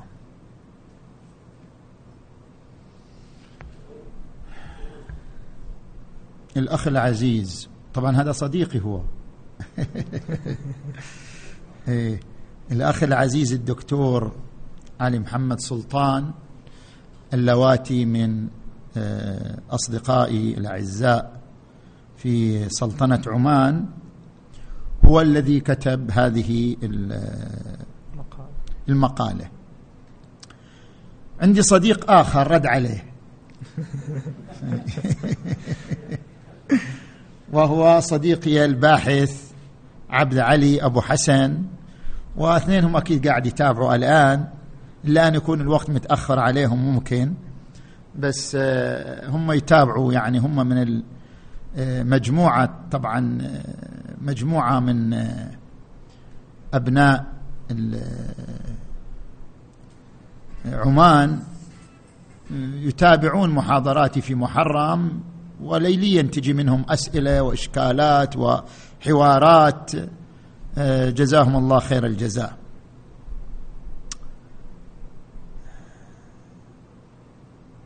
كتب لقد قرأت تعليق الأخ الدكتور أبي حسين. يقصد هذا. على مجموعة المحاضرات لسماحة السيد. وعندي ملاحظات. اولا يجب التفريق بين تأليف كتاب في موضوع وبين محاضرة مدتها أربعون دقيقة. ففي الكتابه البحثيه نورد التفاصيل. أما في المحاضرات فنورد نتائج البحوث. والسيد منير أورد مجموعة من خلاصات ونتائج ما توصل إليه بعض العلماء المتخصصين في هذا المجال مع إقراره بوجود آراء أخرى مخالفة لباحثين آخرين. وقد أوفى الموضوع حقه بلحاظ 200 دقيقة مجموع وقت المحاضرات الثلاث. فالأخ الدكتور أبو حسين زين ومن أروح لازم يعزمني في بيته. يعني حتى يعزمني إذا أروح المره زين. آه قال أنا ما استندت إلى يعني بحوث علمية تجريبية والحال إحنا استندنا إلى هذا. يعني في كل ما عرضناه استندنا إلى تقارير استندنا إلى بحوث استندنا إلى كتابات علمية غربية وهي بحوث علمية تجريبية. صحيح لها مخالفون صحيح هناك آراء مخالفة لها لكن بالنتيجة لا أننا استندنا على مجرد خطاب إنشائي كما تفضل الدكتور. الملاحظه الثانية إن الفوارق البيولوجية التكوينية بين الجنسين والتي ينتج عنها مجموعة من المهارات والسلوك والتكوين النفسي وطرق التفكير وردود الأفعال ومنظومة التعامل الحياتي هي حقيقة ثابتة في التكوين البشري وعلى من ينكر ذلك هو اللي يثبت مقولته اللي يقول لا ما في فرق. هو اللي يحتاج يثبت مقولته. إذ أنها ظاهرة للعيان ومثبتة علميا لذا فإن تساؤلات الأخ الدكتور ليست في محل. ترى هو اللي قال يعني مو أنا اللي قاعد وهو المطالب بإثبات ما ما يذهب إليه وليس السيد منير. وكمثال واحد فقط ذكر طبعا الاختلاف في الأعضاء التناسلية وأثرها على سلوك المرأة ونفسية المرأة.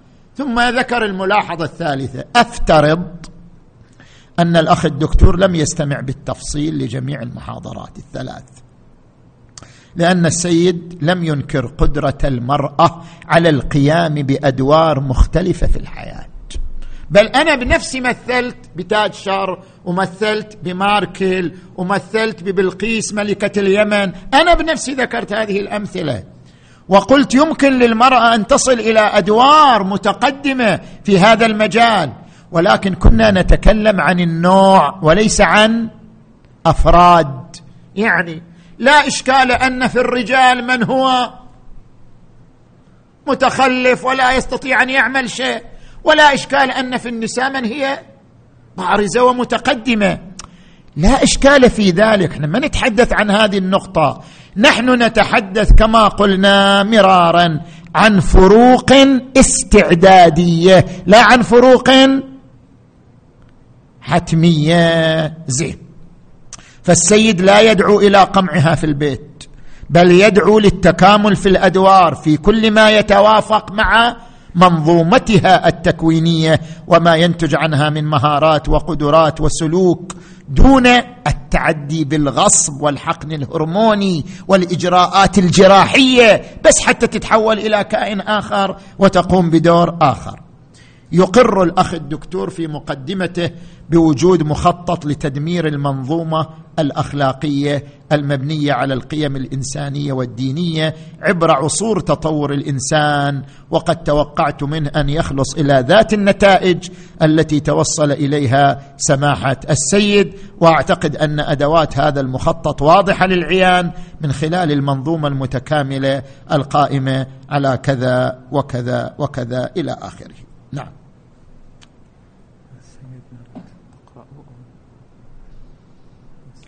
الوقت صار خلاص. كم كم أخذنا الآن إحنا؟ أخذنا الحين الساعة 11 أخذنا ساعه إيش قد باقي؟ كم سؤال؟ باقي خمسة أسئلة يمكن. خمسة أسئلة. نقراها الأسئلة سريعا. نجاوب عنها سريعا ونقراها تمام. في قراءة يعني اي اي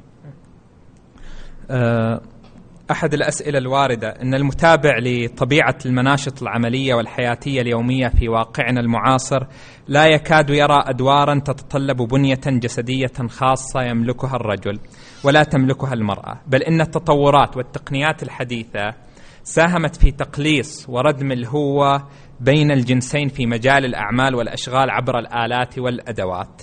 فكيف يستقيم تبريركم بتفوق الرجل على المرأة وأولويته بأعمال المصانع والمقاولات وغيرها وقد تمكنت المرأة من المشاركة فيها بسلاسة؟ نعم. كذلك تعميمكم بأن الرجل منطقي في تفكيره بينما المرأة عاطفية في تفكيرها وسلوكها. أليس ذلك تعميما خاطئا؟ فكم من الر... يعني أجبتم على هذه النقطة. زين. آه الجواب الأول عن السؤال ليست الفكرة في المثال. صحيح إحنا مثلنا بالمصانع ومثلنا بالمقاولات بس هي مين مشكلة في المثال؟ حتى واحد يجي يقول خاب تغير الوضع الآن صارت المصانع بالأدوات ما تحتاج صارت مثلا المقاولات وهي قاعدة في البيت تدير المقاولات. النقاش مو في المثال النقاش في أصل الفكرة. ما هي الفكرة؟ الفكرة أن هناك عمل يتناسب مع الكيان السيكولوجي للرجل وهناك عمل يتناسب مع الكيان السيكولوجي شنو؟ للمرأة. تتغير الأمثلة بس خو السيكولوجيا ما تتغير. الفوارق السيكولوجية بين الرجل والمرأة لا تتغير وإن اختلف العمل والعمل اختلف. كان عمل المصانع باليد الآن صار عمل المصانع بالأدوات. فأصبحت المرأة قادرة على العمل في المصانع. العمل يتغير بس. الفوارق السيكولوجية ما تغيرت. فنرجع ونقول ينبغي أن المرأة تبدع في المجال الذي شنو؟ تشعر أن طاقتها تتألق فيه.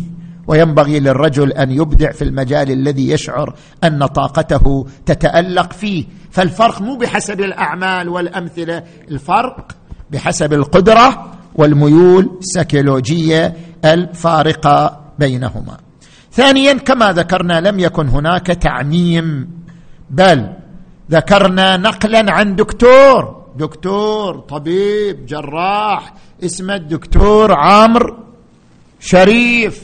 في كتابه المخ ذكر أم أنثى؟ هو اللي قال مو إحنا اللي قلنا. هذا كلام الدكتور هو الذي قال بأن هناك فرق في بنية الدماغ. بين الرجل والمرأة. شنو هذا الفرق؟ الدماغ كما ذكرنا المخ له جانب كروي أيمني وجانب كروي أيسري والجانب الكروي الأيمني مسؤول عن الانفعالات والإبداع والجانب الكروي الأيسري مسؤول عن تحليل والتخطيط صلة الجانب الأيمن مع الأيسر في المرأة أكثر غزارة منه في الرجل. نتيجة لذلك هذا فرق بيولوجي نتيجة لذلك هو يقول بأن قرار المرأة عندما يصدر منها قرار قرارها تكون فيه جرعة من التفاعل بينما قرار الرجل لا تكون فيه هذه الجرعة من التفاعل. ما قلنا المرأة قرارها غير منطقي. أبدا ما ذكرت الكلمة. ولا قلت تفكير المرأة غير منطقي وتفكير الرجل منطقي. أبدا ما ذكرت هذه الكلمة. كل ما قلته نقلا عن الدكتور عمرو الشريف أن قرارات المرأة تتضمن جرعة من الانفعال أو من التفاعل وقرار الرجل لا يتضمن. ومع ذلك هي فروق شنو؟ استعدادية وليست شنو؟ وليست حتمية. نعم. يجيبهم يجيبهم سريعا لا يقولوا ما جبنا الأسئلة. أوكي. أي. آه لماذا اكتفى السيد بذكر مهن يفهم منها المشقة الجسدية؟ فهل مهن الطب والتمريض والتعليم مثلا لا مشقة فيها ولا تستهلك وقتا يحرمها من أداء دورها الأنثوي حسب التعبير المكتوب. نعم. هذه الأمثلة اللي ذكرتها التمريض والطب والتعليم إنما ذكرتها لتناسبها مع العمل التواصلي. ترى أنا ذكرت أن من الفروق سيكولوجية بين الرجل والمرأة أن المرأة تميل للعمل اللي فيه تواصل مع الآخر. وهذه أمثلة على العمل شنو؟ التواصلي فلذلك ذكرتها أمثلة. لا أن هذه الأمثلة ليس فيها مشقة ولا تعب. لا هذا لا يعني هذا. نعم. جميل. آه، الحركة النسوية الليبرالية أساسا لا تلتفت إلى أسباب التفاوت بين الجنسين ولا ترى هدم الأسرة حلا لأنها بالأساس لا تعتبرها مشكلة فينبغي التفريق هنا بينها وبين الليبرالية والراديكالية. وأشرتم إلى ذلك يعني. زين لحظة بس.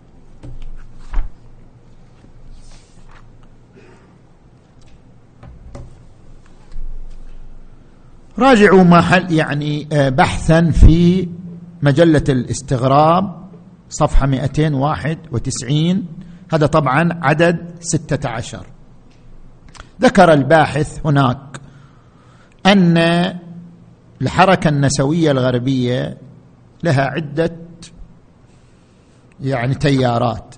النزعة النسوية المتطرفة ما بعد الحداثة. الداعون إلى نظرية حركة التمركز حول الأنثى وذكر منهم سيمون دي بوفور. الجندرية الليبرالية يعني الحركة النسوية الليبرالية. الجندرية النسوية الراديكالية وهو التيار الذي يدعو إلى إلغاء الأسرة. نجي إلى الحركة النسوية الليبرالية هي جزء من هذا النظام. أؤكد أكرر لم أكن في مناقشة الحركة النسوية بصفة عامة. كنت في مناقشة الحركة النسوية الغربية التي تضم هذه الأربعة الأصناف. حتى الحركة النسوية الغربية كلها ما ناقشناها. ناقشنا الحركات النسوية الأربع. ولم نناقش كل الحركات النسوية الغربية. فضلا عن أننا لم ننقد الحركات النسوية الشرقية. كان نقاشنا لخصوص الحركة النسوية الغربية ذات الاتجاهات الأربعة وعدتها أنا على المنبر وذكرتها بالتفصيل. زين. شنو ليش إحنا نذكر النسوية الليبرالية؟ مع ان النسوية الليبرالية تقر بالفروق بين الرجل والمرأة وإنما تدعو للمساواة. ذكرت الآن قبل قليل. الفرق بين الفكر الديني والحركة النسوية الليبرالية ولذلك ذكرناها من جملة الحركات أنها تدعو للمساواة الكمية والفكر الديني يدعو للمساواة الكيفية. يعني هي تدعو للمماثلة ونحن ندعو للمساواة لكن على ضوء اختلاف القدرات. هذا هو الفرق بينها وبين الفكر الديني فلذلك ذكرتها ضمن الحركات. وأما التداعيات التي ذكرت أنها ترتبت على هذه الحركات لا أقصد خصوص الحركة الليبرالية وإنما أقصد أن هذه التداعيات التي حصلت ترتبت على مجموع الحركات النسوية لا على خصوص الحركة الليبرالية. نعم. تمام. إحنا سؤالين ونختم على أن نستكمل يعني بق بقية الحوار أو تتمة الحوار. آه، ليلة الغد في نفس هذا المكان حول بقية الموضوعات. نعم. نفس الساعة كم ها الساعة كم؟ الساعة ثمانية ونص زين. ثمانية ونص. ثمانية ونص الساعة. ثمانية ونص. إيه. إيه. آه هذا يقول كمراقب أرى أن عيد الأم في ازدهار مضطرد في منطقة الخليج العربية في منطقة الخليج والمنطقة العربية في السنوات الأخيرة. زين. جيد. هو يقول كمراقب إيه. شاف؟ جيد. شكرا. جيد. نعم. آه ادعاء الترابط بين خروج المرأة إلى ميدان العمل وتهميش الأمومة والدور الأسري يحتاج إلى دليل. لا دليل. لا يوجد تضاد. يا إخوتي الأعزاء ويا أخواتي العزيزات لا يوجد تضاد بين عمل المرأة خارج المنزل ودور الأمومة. فأي امرأة يمكنها الجمع بينهما؟ ممتاز. تقوم بدور الأمومة وتقوم بعمل متفوق مبدع خارج المنزل. لا باس المجال مفتوح أمامها للإبداع في عملها ولتنشئة الجيل المنتج. الهدف من المحاضرة كان عدم تهميش دور الأمومة واحتقار المرأة المتفرغة للأمومة. ولم يكن الهدف من المحاضرة تهميش دور العمل الخلاق المبدع خارج المنزل. بل ذكرنا أنا إذا تراجعوا خب سيد منير خب متى يتحكى على المنبر؟ بعضكم قبل ما يخلق. أنا أصعد المنبر صح لو لا؟ هذه محاضراتي موجودة في موقع المنير من عام 1421 إلى الآن إحنا في 43 راجعوا محاضراتي. عندي ست محاضرات في موقع المنير موجودة عن عمل المرأة. شنو بعد؟ عن عمل المرأة. وعندي ندوة أقيمت في سيهات شاركت فيها حول عمل المرأة سنة 2009 وموجودة في الموقع. ووضحنا رأينا بشكل واضح فيها. قلنا المجتمع يحتاج إلى الطبيبه والمعلمه والمربيه والممرضه وال والمديره وال من نتيجة مجتمع يحتاج إلى أدوار كثيرة خارج المنزل. لا يمكن أن يقوم بها الرجل وتقوم بها شنو؟ المرأة. فنحن محتاجون لعمل المرأة خارج المنزل. ولكن هذا لا يعني تهميش دور الامومه لماذا تحتقر المرأة الأم؟ لماذا؟ لماذا ينظر إلى المرأة المتفرغة اللي تاخذ إجازة طويلة علشان الإرضاع أو علشان الولادة؟ أو المرأة اللي ما عندها عمل خارج المنزل ومتفرغة لشنو؟ لتربية. لماذا ينظر إليها باحتقار؟ هذا كان كلامنا. لا تهمشوا دور الأمومة كما لا نهمش أدوار المرأة وإبداعها خارج آه المنزل. زين. خلاص؟ أحسنتم آه، سماحة السيد. آه، نشكركم على هذا التفاعل وعلى هذا الحضور. وسماحة السيد سيختم ولكن أؤكد على أن الحوار سيستمر ليلة الغد من الساعة الثامنة والنصف حول الموضوعات التي طرحت في هذا الموسم. آه، موضوعات الليالي من الليلة الخامسة إلى الليلة الثانية عشر في هذا المكان المبارك. إيه، والختام عند سماحة السيد.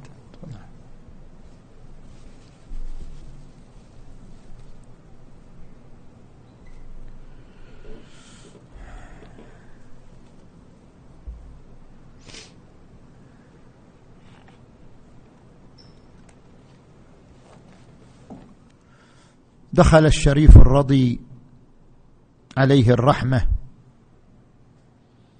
إلى كربلاء فرأى الناس تدخل سراعا إلى الضريح الشريف نساء ورجالا فازداد بكاؤه وربط الحزام على بطنه كما يفعل الناس. ودخل إلى الضريح الشريف وهو يقول كربلاء لا زلت كربا وبلاء ما لقي عندك آل المصطفى كم على تربك لما صرعوا. من دم سال ومن دمع جرى. يا رسول الله لو عاينتهم وهم ما بين قتل وسبا ميت. يا صريعا عالج الموت بلا شد لحيين ولا مد رداء غسلوه بدم الطعن وما كفنوه غير بوغاء الثرى. ميت تبكي له فاطمة وأبوها وعلي ذو العلا.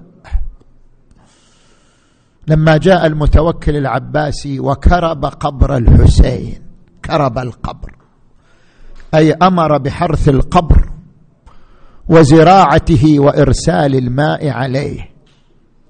جاء أحد الأصحاب كما في الرواية جاء أحد الأصحاب إلى الإمام الهادي عليه السلام قال يا أبا عبد الله. قال له يا أبا الحسن إن الناس يقولون كرب قبر جدك الحسين. كرب قبر جدك الحسين وما رأوا شيء. يعني عندما كرب القبر وأخرج التراب ما رأوا شيئا رأوا باريه من حسعة النخل ما شافوا جسم ما شافوا آثار رأوا بارية بارية من سعف النخل ها؟ مجتمعة قال يا هذا إن في تلك البارية جدي. هذه البارية اللي شافوها جدي كان فيها جسم جدي فيها في تلك البارية التي رأوها في القبر الشريف عندما كرب. وهذا ما طلبه الإمام زين العابدين. جاء بنو أسد إلى كربلاء ها؟ ولما نزلوا إلى كربلاء ارتفعوا على التل. لما ارتفعوا على التل رأوا أجساد. 72 جثة على الأرض. هذا على يمينه هذا على شماله هذا على ظهره هذا على صدره. قالوا إن صدق الظن هذا المكان الذي قتل فيه الحسين. لأننا أخبرنا أن الحسين قتل. خلونا نمشي حتى نعرف جسد الحسين. بينما هم يسيرون بين القتلى رأوا جثة تظللها الطيور. من حرارة الشمس اقتربوا من الجثة. يريدوا يتعرفوا عليها بس ما شافوا جثة شاف كومة من الحجارة. وركام من, من السهام وركام من النبال. أين الجثة؟ وإذا تحت تلك الحجارة وتحت السهام والنبال عظام متفرقة وأشلاء ممزقة ولحم مبضع قطعة قطعة. وإماما وحسينا ما بقيت منه باقية قالوا إن صدق الظن هذا جسم الحسين. دعونا نقوم بتجهيز. جاءوا إلى رجالهم. قوموا وجهزوا جسد الحسين. قالوا لا طاقة لنا بذلك. قالوا أعطونا سيوفكم وعمائمكم ونحن نقوم بتجهيزه. قالوا إلا إذا كان ذلك فبلى. فجاءوا إلى الجسد الشريف واحتاروا ماذا يصنعون معه. وإذا بغبر من ناحية الكوفة. قالوا تنحوا عن الطريق غبر مرتفعة ما ندري من هو القادم ها. وإذا بالغبرة ترتفع وفارس على جواده وصل الفارس نزل من على الجواد. وش هالفارس؟ واحد منحني الظاهر. نحيل الجسد يجر رجليه. وصل إليهم ماذا تفعلون هنا؟ قالوا جئنا لنتفرج على هذه الأجساد. قال أصدقوني الخبر ما جئتم للفرجه ها؟ جئتم لغير ذلك. قالوا لنا الأمان. قال لكم الأمان. قالوا جئنا لتجهيز الغريب ابي عبد الله. هذا غريب ما حد إليه غريب ما حد شيعه. جئنا لتشييعه وتجهيزه. قال جزاكم الله خيرا أنا معكم جئت لتجهيزه. أعينوني حفر حفيرة للأنصار حفر حفيرة لأبي الفضل العباس لعلي بن الحسين إلى أن جاء إلى جسد الحسين. مد يديه تحت الجسد ورفعه قليلا فتناثر تكاثرت عظامه. وتفرقت أعضاءه يمينا وشمالا. صح ونادي وحسينا. قال يا بني أسد أما عندكم بارية؟ بارية حصير. من سعف النخل أضم به أشلاء والدي. جاءوا له بالبارية خلي البارية. صار يجمع عظام عظما عظما. ركب جناجن صدره وصل إلى ساقيه وفخذيه صار يجمع عظامه يركبها على بعضها البعض. بعد جعاد فيه جعاد في عظم سالم صار يبحث في التراب فوجد كفا مقطوعا. ووجد خنصرا مقطوعا. بعد بعد يقول بعض الرواة ورأى بريق تحت الرمال. شيء يبرق يلمع تحت الرمال. كشف عنه الرمال. وإذا هو السهم المثلث واقع في قلب الحسين. وحسينا. لما وجمع وخلاه في البارية وأنزله إلى قبره. بعد شوية طلع من القبر إيش عندك؟ قال أكو طفل رضيع. حبيب الحسين ذبح على صدر والده. وين هذا الرضيع؟ بحث عنه وجدوه فجاء بالرضيع وجعله على صدر والده. ثم وقف على شفير القبر ونادى حبيبي يا حسين عزيزي يا حسين حسين يا حسين. أما الدنيا فبعدك مظلمة وأما الآخرة فبنورك مشرقا. حان ظهر على أبوه حسين والله يعلم بحا ويا حان ظهر على أبوه حسين والله يعلم بحا بدال الكفن والتابوت للصبار يوشا الله يرحم شيخ علي الجشي ها بدال الكفن والتابوت للصبار يوشا ولم الجسد المطشار يا ويلي وجمع وصار وإحنا عليه في قبره وقلبه من شطر نصفه لا قلنا الجسد لما وجاب الخنصر المقطوع. والكفين خلاها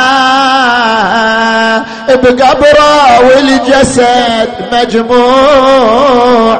سؤال يا شيعة هذا الجسد وين الراس؟ هذا الجسد وين الراس؟ راس على القنا مرفوع. والله لقط بالبكاء ليل ونهاري غيرك ما شفنا يكفنونا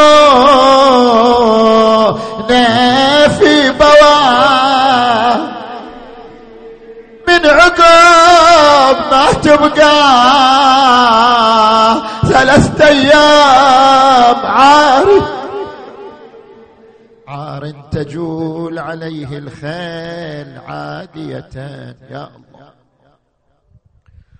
اللهم بالحسين الوجيه وجده وأبيه وأمه وأخيه والتسعة من بنيه. اللهم اجعل خير أعمالنا خواتمة وخير أيامنا يوم نلقاك اللهم اغفر ذنوبنا واستر عيوبنا وكفر عنا سيئاتنا وتوفنا مع الأبرار. اللهم اشف مرضانا ومرضى المؤمنين والمؤمنات خصوصا المرضى المنظورين. واقض حوائجنا وحوائج المؤمنين والمؤمنات. اكشف هذه الغمة عن هذه الأمة. يا أرحم الراحمين دعاؤنا لولي الأمر. اللهم صل على محمد وآل محمد. اللهم كن لوليك الحجة ابن الحسين صلواتك.